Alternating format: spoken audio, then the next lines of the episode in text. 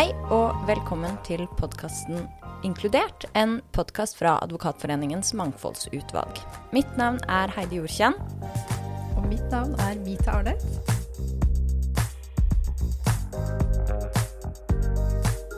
Og i dag har vi med oss Kristin Bøsterud fra INY. Velkommen hit. Tusen takk, og tusen takk for å bli invitert. Dette er har jeg gledet meg til. Ja. Så bra. Og vi har gledet oss til å snakke med deg, Kristin. Eh, du har eh, altså en lang CV, og en spennende CV. Eh, jeg tenker at du kan få lov til å begynne å snakke, fortelle litt om deg selv, jeg. Jo, takk. Jeg kan jo begynne med hva jeg gjør nå. Og nå er jeg ja, På advokatspråk så bruker vi jo begrepet managing partner i EY. For ordens skyld så får jeg si tidligere kjent som Ernst Young. Det er fortsatt en del som ikke har fått med seg det navnet eller brandskiftet. Eh, privat så bor jeg på gård i eh, Halden. Så jeg kombinerer da jobblivet med også en mer grønn hverdag. Og jeg har vært eh, hva skal vi si, i, i denne bransjen, da, i konsulent, rådgiver, revisjonsbransjen i veldig, veldig mange år. Eh, er advokat, men eh, er kanskje ikke den helt tradisjonelle advokaten, fordi at jeg også har eh, gjort noen valg i min karriere som har eh, ledet meg inn også på, på lederspor. Så jeg har ledererfaring både da nasjonalt som nå, hvor jeg dekker alle forretningsområdene våre. Og tidligere så har jeg også hatt lederroller og hatt ansvar for lovoppbygningen vår i EMEA, det er 99 land. Eh, den nordiske aktiviteten vår innenfor tax og law. Og eh, jeg har også ledet eh, det norske advokatfirmaet til EY eller Ernst Young. Så det er, ja, det, det er noe broket i den settingen der. Ja, og ganske imponerende, altså, vil jeg si. Men dette er jo kjempeinteressant, for du har jo da brukt egentlig jussen ganske utradisjonelt. Og selv om du er advokat, så har du jo da egentlig Du er jo mest leder, sånn som jeg hører deg.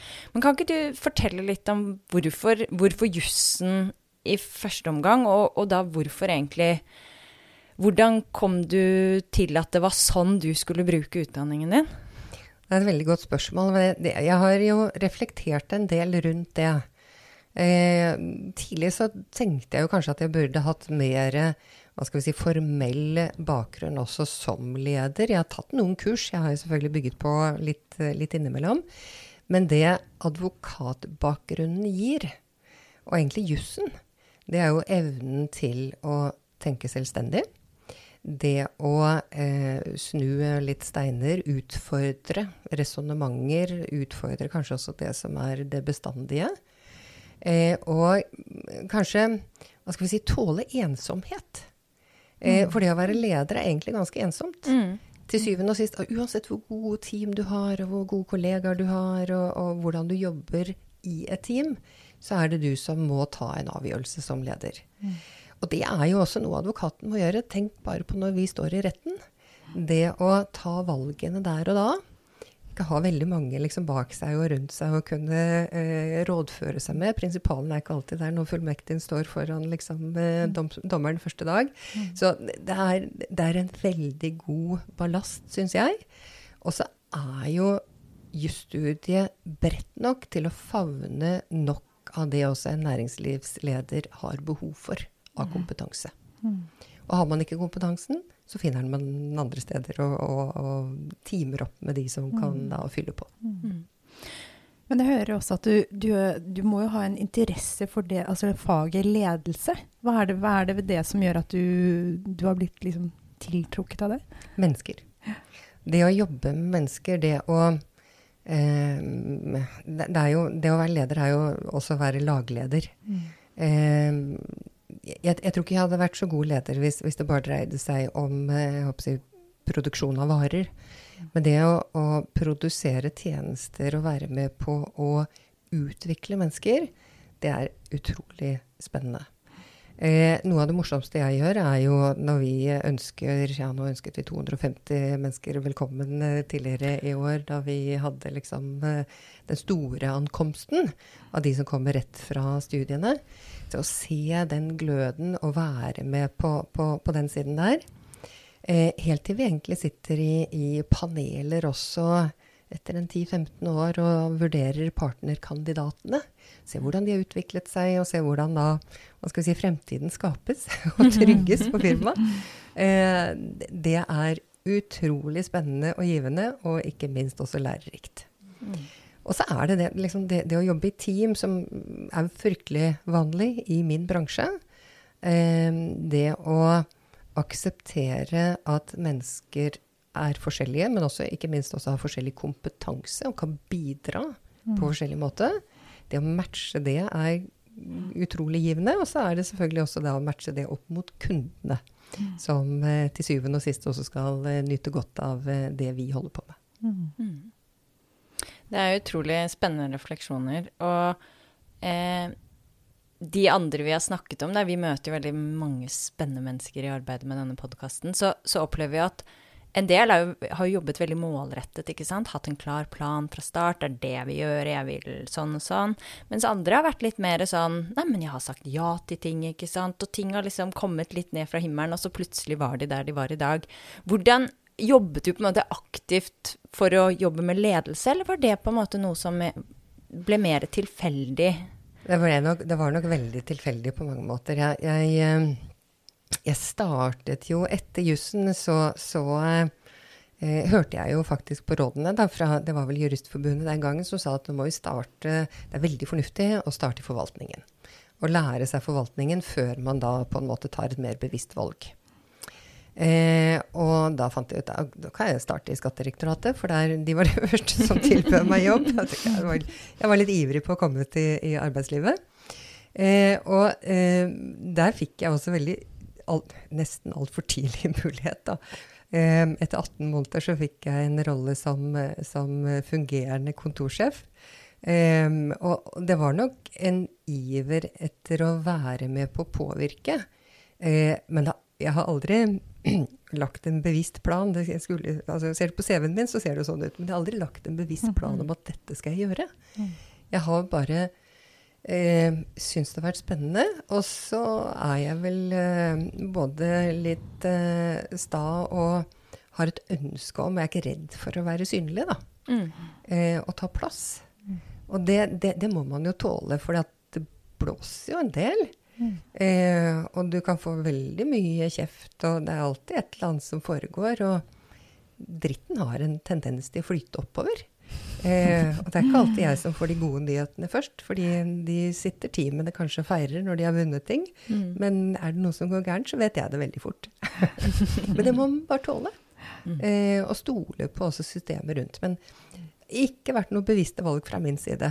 Eh, men eh, mer kanskje en personlig Jeg vil nesten kalle det passion, jeg. Ja. Mm. Eh, det at eh, jeg, jeg, håper at jeg bidrar på en positiv måte. Mm. Og at jeg har noe å bidra med. Mm. Og så lenge jeg føler at, at, jeg gjør det, og feedbacken er sånn tålelig ok, og vi gjør det bra, mm. uh, så, så, fortsetter jeg på dette sporet her.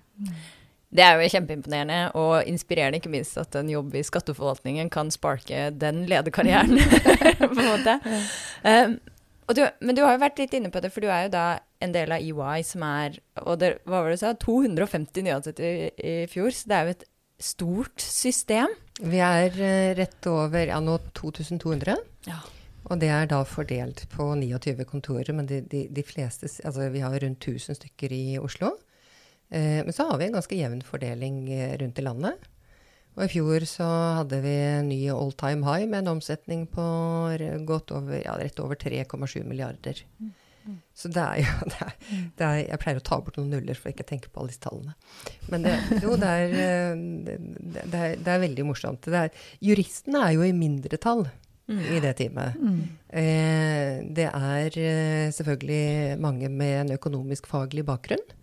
Mm. Eh, det er eh, teknologer. Vi har bygningsingeniører. Vi har Altså, det er en veldig bredde, da, spenn i bakgrunnen. Mm. Eh, vi har også Det har vært nyttige leger og helsefagarbeidere, for vi jobber jo også med eh, det som eh, kunder. Eh, og da, da, er det veldig viktig å kunne snakke samme språk osv. Så, videre. så det, det, det, er jo veldig sammensatt eh, både kompetansemessig og eh, bakgrunnsmessig. Og det, det, gjør det jo også veldig tjene, spennende. Eh, og gjør at vi når ut til veldig mange kunder med også hva skal vi kalle det mer sammensatte tjenester. Det er selvfølgelig mm. begrensninger, for er du også et revisjonshus, som det er jo moderselskapet, liksom, eller eh, the mothership på en måte i, i, min bransje, så setter jo revisorlovgivningen klare begrensninger for hva vi kan levere til en revisjonskunde. Mm. Men eh, vi reviderer jo ikke alle selskaper i Norge, så vi har fortsatt et godt eh, utgangspunkt da, for også å jobbe med andre typer tjenester. Selvfølgelig også da advokattjenester eh, innenfor forretningshus og skatt. Mm. Mm. Ja, det er jo et uh, det er, Og det, det, er jo litt interessant, fordi det er, jeg tror jo mange Når man tenker på å være advokat, så tenker man på en måte på de klassiske advokatfirmaene, små eller store, men hvor man i stor grad da jobber egentlig med andre jurister. Og så har man kanskje klienter som driver med andre ting. Og litt avhengig av om man jobber mot private klienter eller, eller uh, selskaper, så får man jo på en måte ta del i andre bransjer. Men, men man er jo veldig omgitt av, uh, av jurister, så det er jo veldig, veldig spennende. Men hvordan er det å lede et så stort mangfold, da, for å pensle oss litt inn på det som er dagens tema? jo, det, det, er, det, det, er, jo det er, det er, også et veldig godt spørsmål. Men det, er jo noe som Jeg vet ikke om det er noe særlig i det, men jo, ja, det er noe i det. Og jeg kan vel antagelig skrive under på det at uh, å lede jurister er jo hurling cats. Og det er litt sånn Klarer du det, så klarer du ganske mye. Mm. Så jeg, jeg, føler jo at jeg har gått en veldig god skole da i ikke bare hatt ansvaret for, for uh, oppbyggingen av, av uh, forretningsområdet tax og law i Norge i mange år, og ledet det. Men også når jeg satt med ansvaret for rundt 2000 jurister og advokater i mm. all hovedsak mm. i EMEA-området vårt, da. Så, så, får du jo Hva skal vi si Da, da, da blir man utfordret som leder. Mm. Det spesielle i vår profesjon er jo at eh, en, en, leder kan jo ikke instruere deg om det faglige.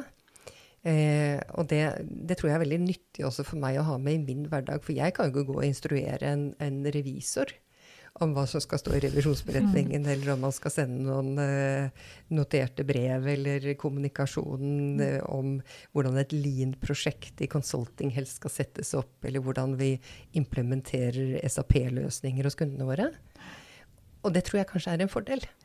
For at den type detaljstyring er uansett ikke lederens jobb, da. Mm. Men, men, det å ha respekt for andres kompetanse og sikre en operasjonalisering egentlig av strategi. At vi mm. drar i samme retning. Og um, ja, det er en sånn floskel å heie litt på hverandre. Eh, ikke, ikke, slåss om kunder, men faktisk timer om kunder. Ser mm. mulighetene og feirer litt at vi kan dra med hverandre der hvor det er mulig. Da. Mm. Eh, det, det, det, er en viktig del av det. Og så har jeg vel, altså med respekt for andres kompetanse, så, så Eh, så er jeg blitt flink til å stille spørsmål der hvor jeg mm. ikke skjønner det. Mm. Og så syns jeg ikke det er noe pinlig å stille spørsmål som altså, det, det, det, må man bare være med på. Mm. Um, og det, det, må du jo som advokat også, når du sitter og snakker med kunden. Hvis du står og skal forberede en rettssak Det er klart at å gå i detaljer, grave og tørre å stille også de ubehagelige spørsmålene, mm. som du helst ikke syns du liksom, har lyst til å vite svaret på, det må du gjøre.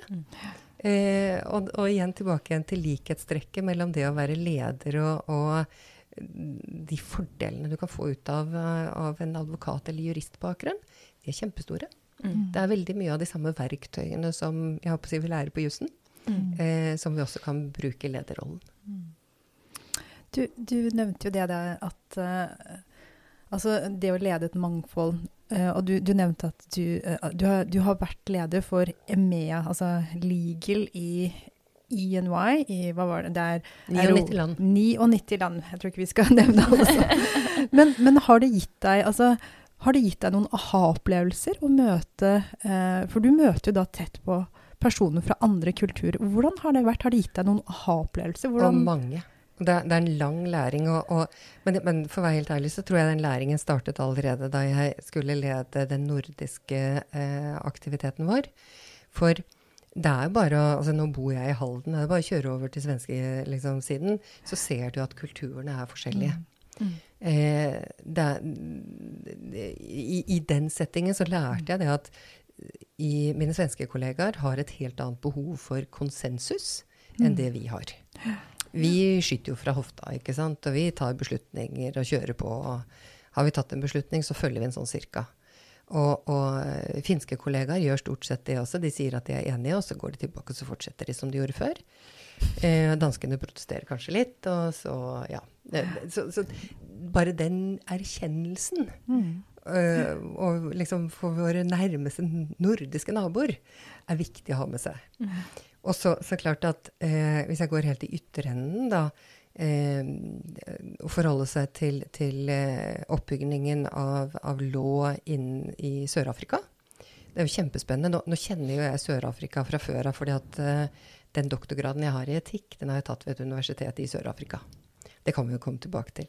Men det, men det å forstå også mangfold i Sør-Afrika, og forstå kvoteringsreglene de har i Sør-Afrika, hvilken eh, ballast de har med seg fra apartheid, eh, og hvordan du da også må håndtere det, eh, og den varsomheten du også da må utøve som leder, den er, den er utrolig viktig.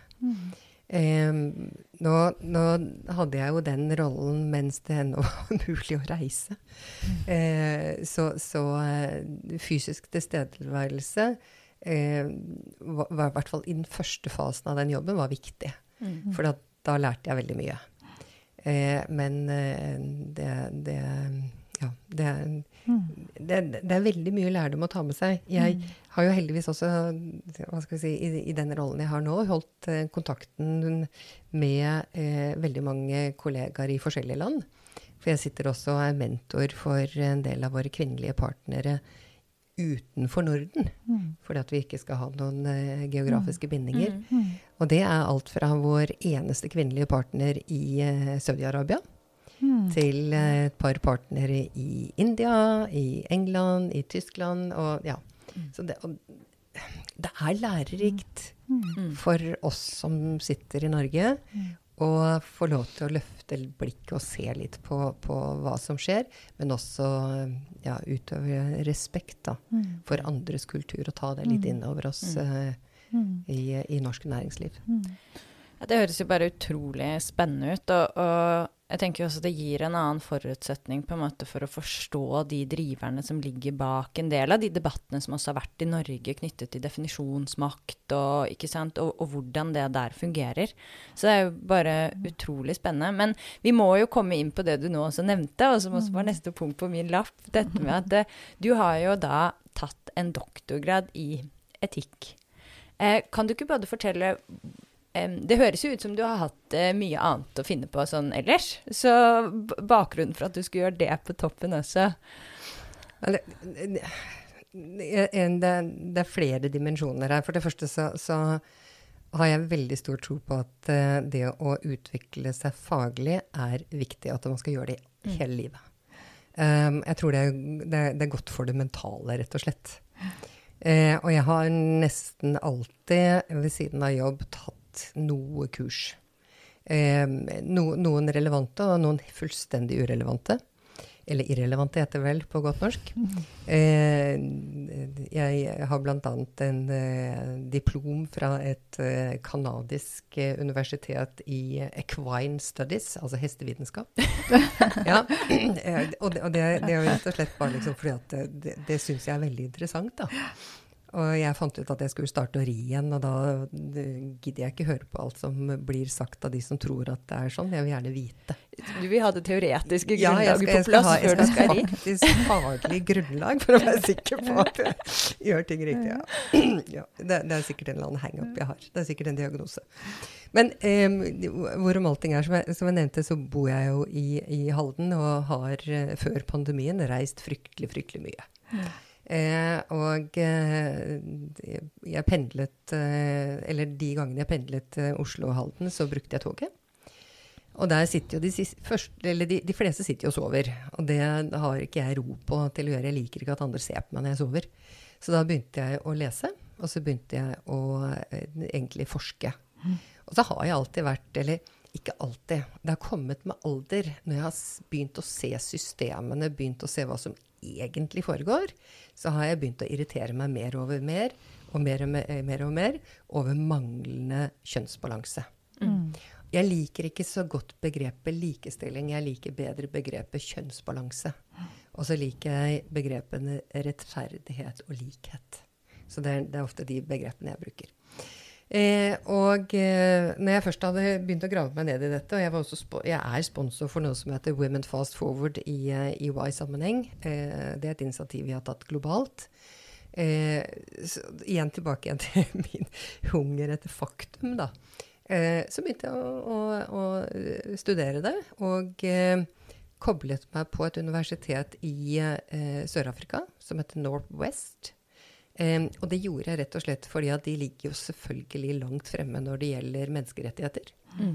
Uh, avskaffelsen av apartheid osv. Og, og da koblet jeg meg faktisk til et, uh, til et teologisk fakultet. Mm. Så den uh, doktorgraden jeg har, er innenfor kristen etikk. Og det jeg skrev om, og det jeg da fordypet meg om, var kjønnsbalanse, eller da konsekvensene av manglende kjønnsbalanse på toppledernivå. Mm. Og da fra et etisk ståsted. Eh, og det var en særdeles lærerik eh, runde. Eh, for det første så er jo etikk noe annet enn juss. Eh, og eh, jeg måtte jo også grave meg ned f.eks.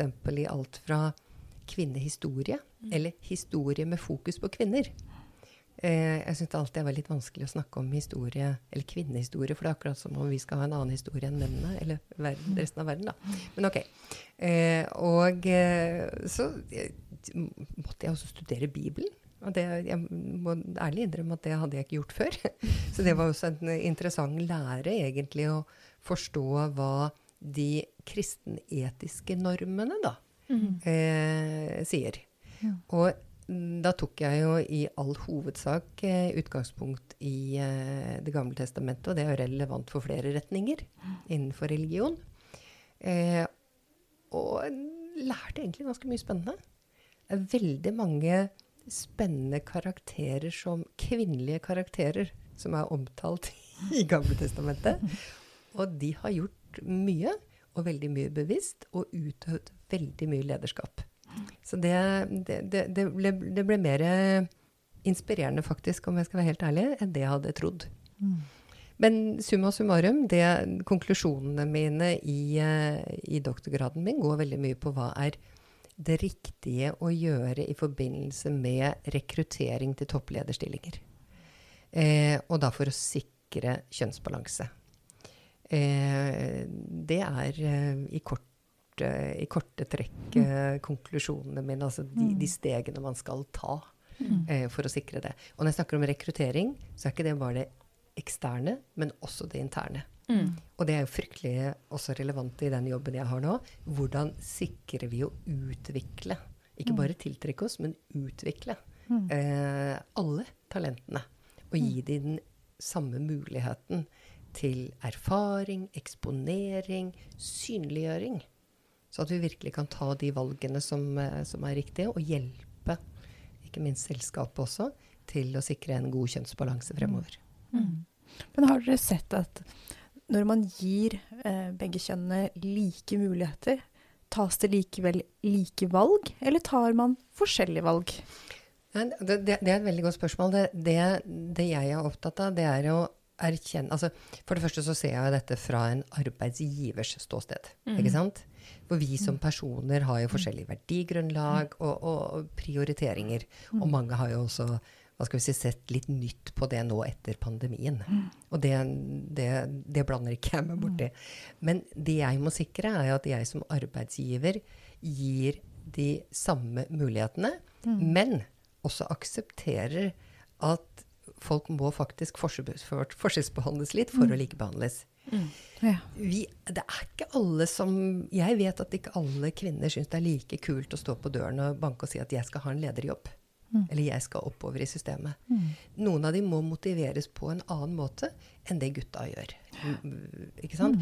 Menn har nå sikkert med en del menn som rynker på, på pannen, men menn har en tendens til å søke på jobber som de ikke er helt kvalifisert til.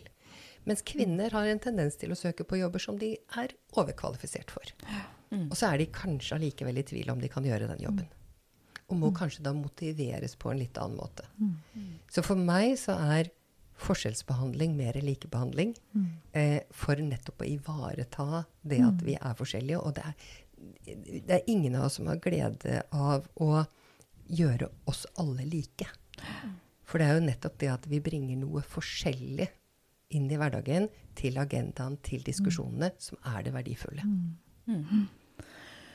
Vi har jo en del eh, lyttere som er eh, altså studenter. Eh, og, no, og litt i forhold til det du sa helt innledningsvis om det å være leder, om det å ta beslutninger. Altså, noen kan føle på det at ja, men hva hvis jeg tar feil? Hva hvis beslutningen min er feil? Og du som leder må jo ha tatt haugevis av beslutninger opp igjennom. Hvordan, hvordan Ja, det- forholder du deg til det? Det, det er eh, det- Og særlig jenter tror jeg kjenner på den Ja, altså, de må være helt uh, Veldig mange jenter kjenner på at ja, men ja, denne beslutningen må være riktig. Helt riktig. ja, før man og- tør å ta den. Jeg, jeg har som filosofi at uh, si, hvis det er 75 eh, sannsynlighet for at beslutningen er riktig, så tar jeg den. Men jeg, har jo, jeg vet selv at jeg av person har en tendens til å stole veldig på magefølelsen. Og det er ikke alltid den er ærlig. Eh, så jeg vet at jeg må også gå runder og eh, jeg kaller det forankre. Og det vil jo si at jeg av og til eh, eh, snakker med, eller ofte snakker med kollegaer eller lederteamet mitt. Og det er heldigvis så sammensatt, sånn at det består ikke bare av ja-mennesker. For skal du være en god leder, så må du også tåle å ha mennesker rundt deg som kritiserer deg, som er uenig med deg, og, og som syns du er helt på bærtur mange ganger. Og så får du de inn, hva skal jeg si, den inputen, og så gjør du allikevel vurderingene dine basert på det, og tar valget. Og som jeg har vært inne på før, så står du ved det valget. Og du kan si at det er Ja, og det er nesten skumlere å stå i retten og måtte ta valg foran en dommer enn det er å være leder. For at det er, altså Som leder så må du også kunne innrømme at Filler'n, nå tok jeg feil. Nå må jeg omgjøre på den beslutningen. Det er ikke alltid så lett når du står foran en, domstol, eller en dommer. ikke sant? Det, da, da er på en måte løpet litt kjørt, da. Som leder har du som regel litt større fleksibilitet. Og det er de færreste avgjørelsene som er sånn helt eh, hva skal vi si, irreversible da, i, i den settingen der. Og så har jeg også lært meg å si som leder at jøsses, ja, men det vet jeg ikke. Eller dette kan jeg ikke. Og det er nok eh, altså Det er ikke en, en, en jeg, jeg tror det er veldig feil altså, hvis ledere krever av seg selv at de absolutt skal kunne alt og vite alt. Og være liksom verdensmester på absolutt alt det. Sånne mennesker fins ikke. Og, og sånne mennesker er kanskje ikke gode ledere. Nei, jeg tror jeg. ikke det. Jeg tror ikke det. Så, så det å tørre å si det Jøsses, det var interessant. Det har jeg aldri hørt om. Eller Uh, dette var nytt. Og nei, jeg aner ikke. Hva skal vi gjøre her, da? Altså, Ha de dialogene. Og tilbake igjen også til temaet jeg har vært på. Det å jobbe i team. Eh, og, og ikke bare bli utfordret, men også føle støtte. Eh, det er en vesentlig eh, del, tror jeg, av eh, en eh, leders eh, hverdag. Da. Men em, du har jo fortalt litt nå om ikke sant, hvordan kan man jobbe med å skape mangfold, ikke sant? Eller skape like muligheter. Og det å, ja, skjønne hva driver den enkelte. Hva trenger du for å blomstre, og hva trenger du? Det er jeg er veldig, veldig enig i det. Og bare tenker på min egen karriere også, hvor viktig det har vært for meg da, å, å få de pushene som jeg trengte, som kanskje ikke var viktig for andre. Men du er jo leder for et stort system. Og dette krever jo Og, og det krever ganske mye av den enkelte mellomleder, da, tenker jeg, å, skulle på en måte klare det. Og noen klarer det sikkert veldig bra, og andre klarer det kanskje ikke så bra. Men kan ikke du konkret fortelle litt, hva gjør dere i EY sånn mer strukturelt for å sikre mangfold. Nå dekker jo dere mange disipliner, eh, og jeg vil anta hvert fall at det er litt ulik eh, balanse. Og vi kommer jo fra advokatsiden hvor det generelt hvert fall har vært utrolig homogent. Men, men, hva konkret kan man gjøre, da, for å sørge for at uh, dette kan snu på advokatnivå, og eventuelt mm. opprettholdes andre steder? Ja. Det, det, er helt riktig som du sier, at altså, Én um, ting er 'tone from the top', som på en mm. måte jeg representerer. Men dette er jo også jeg håper å si, av og til stakkars opp til mellomledere og, og, de som er under meg, da, til også å sette ut i livet. Mm. Uh, og, og, da trengs det støtte. For det første så, så er det uh, klarhet rundt hvor vi skal. Ikke sant? Uh, det, det, at vi også tilbyr rett og slett opplæring for, for ledere. Men sånne enkle grep, da, som egentlig alle kan få til uten å ha gått på kurs eller noen ting, det er skal du rekruttere mennesker, enten de er erfarne eller uerfarne, så se på liksom, Ha kjønnsbalanse mm. foran, foran, deg, da. Vær sikker på at bruker du et rekrutteringsselskap Det er liksom ikke bare Jeg kaller det 'rounding up the usual suspects'. Finn kandidater av begge kjønn, og gjerne med litt uh, forskjellig bakgrunn. Eh, still de kravene. Og ikke gi deg til første runde, liksom, for det, det, har man en tendens til å gjøre. Så det, det, er jo der det starter rekrutteringen. Og underveis så skjer det jo veldig mye i en karriere. Det er eh, forfremmelser, det er lønnsjusteringer, det er diskusjoner rundt bonuser, hvem skal være med på team, osv., osv. Når det gjelder de første mer sånne formelle stegene, Eh, så er vi i ferd med nå, og jeg har sett det nødvendig, å lage rett og slett en policy som alle signerer på før vi går inn i diskusjonene om lønnsjusteringer, eh, forfremmelser, den type ting. I disse prosessene har vi det som kalles rundbordkonferanser. Og da presenteres jo kandidatene, så blir man innenfor de forskjellige teamene enige om hvem som skal forfremmes, og hvem som ikke skal forfremmes. Og da må vi minne de menneskene som sitter der, om at det er noe som heter unconscious bias. Mm. Og dette må dere huske på å legge av dere den eh, ryggsekken når dere går inn i disse forhandlingene eller disse samtalene.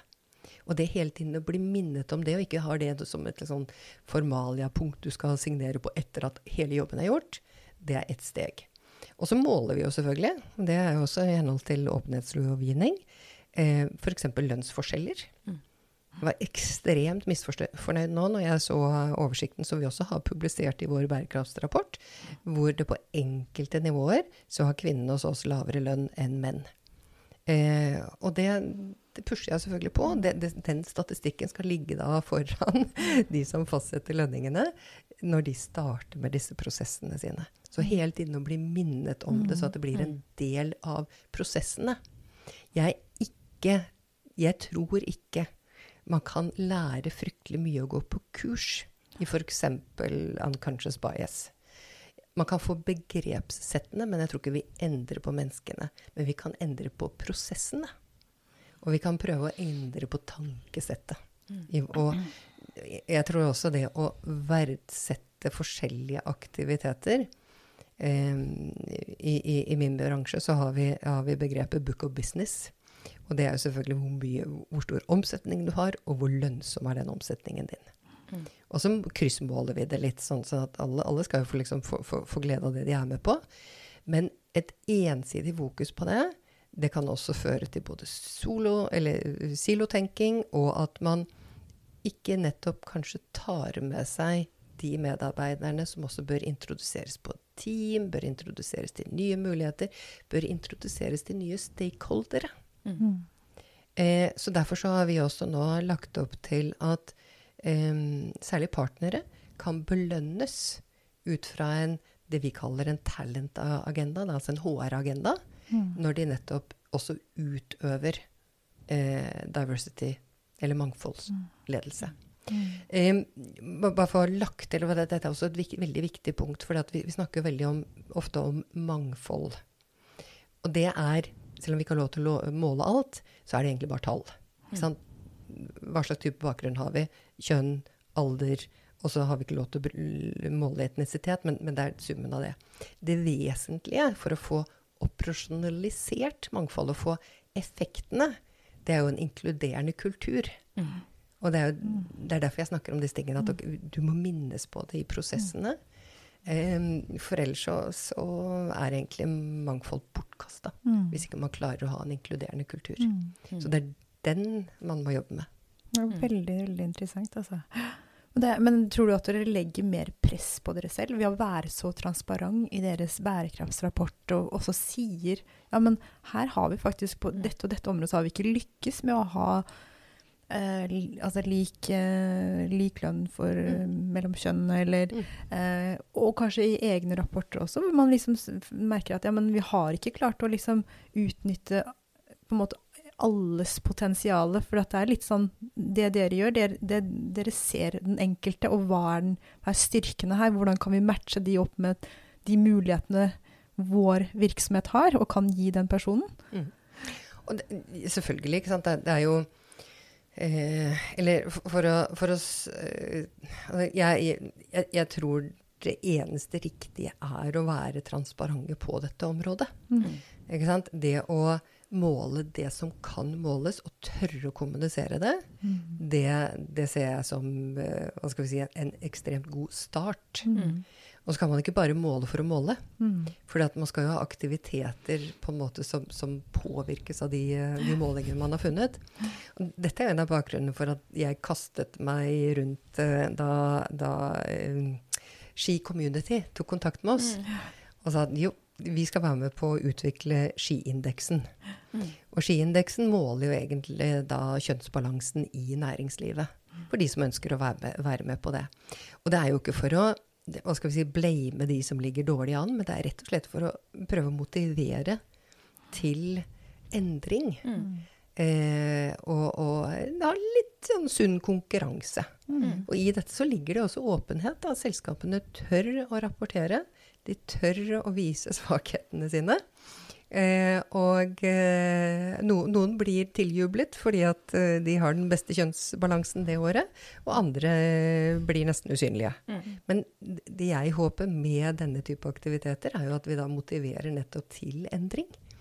Eh, og eh, at dette blir satt på agendaen eh, også som en del av hele egentlig bærekraftstrategien i et selskap. Vi, vi, vi snakker, altså miljø og klima er fryktelig viktig, og misforstå meg rett. Men et selskap som fokuserer på ESG, altså bærekraftsrisiko, eh, gjør jo det ikke bare på, på ledernivå, men også på styrenivå. Og styrene har jo, som dere helt sikkert vet, eh, også nå et eh, selvstendig ansvar for aktivitet og redegjørelse. Og det er jo innenfor alle kategoriene, diskrimineringskategoriene. Eh, og, og det dreier seg jo ikke om da bare målinger, det dreier seg om faktisk å ha aktivitet. Eh, og det da å se hele mangfold- og inkluderingsagendaen som del av bærekraftstrategien i et selskap, er jo essensielt. Jeg syns dette er så utrolig spennende å høre på, og eh, det har i hvert fall utrolig stor gjenklang eh, hos meg. Jeg tenker eh, det du sier sant, om det dere gjør konkret med eh, både bevisstgjøring sant? Det er jo en grunn til at det kalles unconscious bias. Det er jo fordi at man er ikke man er ikke den diskrimineringen man gjør bevisst. Og, og det å liksom nudge hele tiden i riktig retning, og ikke minst også bidra til at alle kan oppnå det nettverket man trenger for å kanskje lykkes fullt ut, da, i hvert fall som advokat. Eh, det høres eh, utrolig fornuftig ut eh, fra mitt perspektiv. Men jeg tenkte på det, altså vi, og, og du har jo vært litt inne på dette med mangfold i et bredere perspektiv. Eh, fordi i hvert fall fra mitt perspektiv så virker det som altså, Det har jo skjedd en del på kjønn de siste årene. Det har skjedd eh, på ulike eh, arenaer og fra ulike inngangsvinklinger. Inngangsvinkler, heter det. Eh, men eh, og, og det er jo på en måte også veldig lett å peke på. Det er overvekt av kvinner på jussen. Det er en vel ligger og vaker rundt 10% i de store advokatfirmaene på partnernivå. Eh, og det er jo Nesten 40% hos oss, bare for å si det. Ja, jeg må bare få lov til å si det. Det er godt for- Det skal du få lov til å si. Det skal du få lov til å si. Um, Mens den andre typen mangfold er jo en, både en mer broket gruppe, som er vanskeligere å måle, og hvor det også Og her har ikke jeg tallene, det må jeg bare innrømme, eh, på noen av parameterne, egentlig, men, men også kanskje mindre tilfang. Men tenker du at man har over, Hvilken overføringsverdi Kan man gjøre akkurat det samme der, eller må man liksom tilpasse? Eh, hva skal vi si, vi har juridiske hindringer eller, for, for, å måle, ikke sant? Ja. For det har vi ikke lov til å gjøre. Men eh, det er flere fasetter her. En, en ting som eh, vi har kartlagt, eh, og det, dette er fra tiden også da, da, jeg var ansvarlig for advokatfirmaet vårt i Norge, det var jo hvor mange språk, hvor mange morsmål hadde vi? Mm. Ja. Og det er fryktelig relevant i et firma som uh, jobber også veldig internasjonalt, mm. og vi har veldig mye internasjonale kunder. Mm. Eh, og der, og jeg tror ikke det er store endringer nå, så hadde vi 24 morsmål i et eh, team på rundt 250 mennesker. Det er jeg fryktelig stolt av. Mm. Men det har også en utrolig positiv effekt. Altså, jeg husker et tilfelle hvor vi hadde en kunde i Sør-Korea. Og, vi, vi, slet med å forstå hverandre på engelsk. Mm. Og da vi, kunne vi dra inn en kollega med sørkoreansk, som, eller koreansk, som, som, sitt morsmål. Og som kunne da hjelpe oss med uh, både kunden og også Kunden var jo superfornøyd. Mm. Eh, og det lettet jo selvfølgelig vårt arbeid også i, i, i kommunikasjonen. Eh, så, ja, men, men, det er veldig mye overføringsverdi, for at, som jeg var inne på i sted Inkludering er jo på en mm. måte Altså det å det å ha en kultur og et arbeidsmiljø hvor alle blir sett mm. og tatt med. Hvor alle blir litt tilbake til det jeg snakket om i sted. Hvor alle får lov til å bli eksponert for de samme kundene eller mulighetene på kundene. Mm. Få være med på de spennende tilbudsprosessene. Få treffe stakeholdere, ikke bare internt, men også eksternt. Mm. Det, veldig mye ligger i det. Mm. Fordi at så lenge enten det er en partner eller et team, på en måte føler at de eier en kunde, og ikke slipper til andre, og bare bruker de samme menneskene hele tiden, så får vi ikke muligheten eller til den kompetanseoverføringen, introduksjonen, eller kanskje nye vinklinger da, som gjør arbeidet for kunden enda bedre. Mm. Så dette, dette, er en vinn-vinn å, å, gjøre disse Utfordre hele tiden det vi kaller staffing-prosesser. Mm. Det, er ganske, det, det, er ganske systematisert hos oss, da. Mm. eh, på, på, nettopp å, å, få kabalene til, eh, til, til, å gå opp. Det, og for å være helt ærlig eh, Når det gjelder Unnskyld at jeg sier det. Den tradisjonelle advokatverden, så tror jeg noe av kjernen ligger her. Mm. Eh, det er riktig at alle får nettopp muligheten til å møte kunder, kjøpere, de som nettopp kan være med på å hjelpe deg å bygge karrieren fremover. Det er ingenting forskningsmessig som underbygger at vi Altså det er noe forskjell mellom kjønnene, f.eks., på salgsegenskaper. Mm. Vi har samme evne, lyst og, og uh, mulighet. Eller ikke alltid muligheten, da. Det er den muligheten som vi må sikre at alle har. Og, og for, for bare Hva skal vi si Fortsetter resonnementet.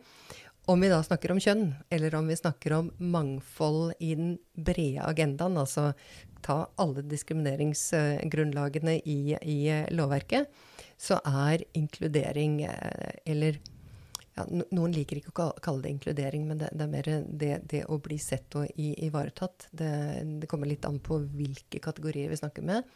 Eh, men jeg liker inkludering som et samlebegrep. da, På nettopp mm. å ha en kultur hvor alle mm. får muligheten til likebehandling. Vi liker også det begrepet. Vi har jo kalt podkasten vår Inkludert. det her var spot on, ja, spot on. rett og slett. eh, men du Kristin, dette har bare vært utrolig interessant og ikke minst inspirerende å høre på. Men, og jeg tenker liksom som en sånn final statement vil jeg gjerne ha de For jeg tror det er få som kan matche deg både liksom i da tung faglig, teoretisk kompetanse og erfaring. Fordi det er jo fortsatt i dag da, en del som møter liksom det med at jo, men eh, kvinner vil ikke. eh, det må jo være den beste som får jobben, liksom. Så det er sikkert på en måte det, Man kan ikke være så opptatt av dette med kjønnsbalanse eller øvrig mangfold. Hva vil du si til dem? Ikke gi opp. Også, og, og, jeg er vel en sånn evig optimist, fordi at jeg har veldig stor tro på at eh, si, det, det, det, vi ser av trender både globalt og nasjonalt, egentlig vil hjelpe oss på det rette sporet her. Og jeg tror at de som tviholder på de gamle strukturene, og de de tror er de gamle sannhetene, de vil tape. Jeg tror det er så enkelt. Hvis man ikke klarer å omstille seg på dette området, som på alle andre områder hvor vi må omstille oss, mm. eh, så er man en utdøende rase. Mm. mm. Da tror jeg vi skal si eh, tusen takk for at du kom, Kristin. Det var kjempeinteressant å høre eh, din vei eh, til toppen eh, av INOI her i Norge. Eh, så da sier vi bare takk for oss her i studio. Takk, takk for meg. Ha det godt.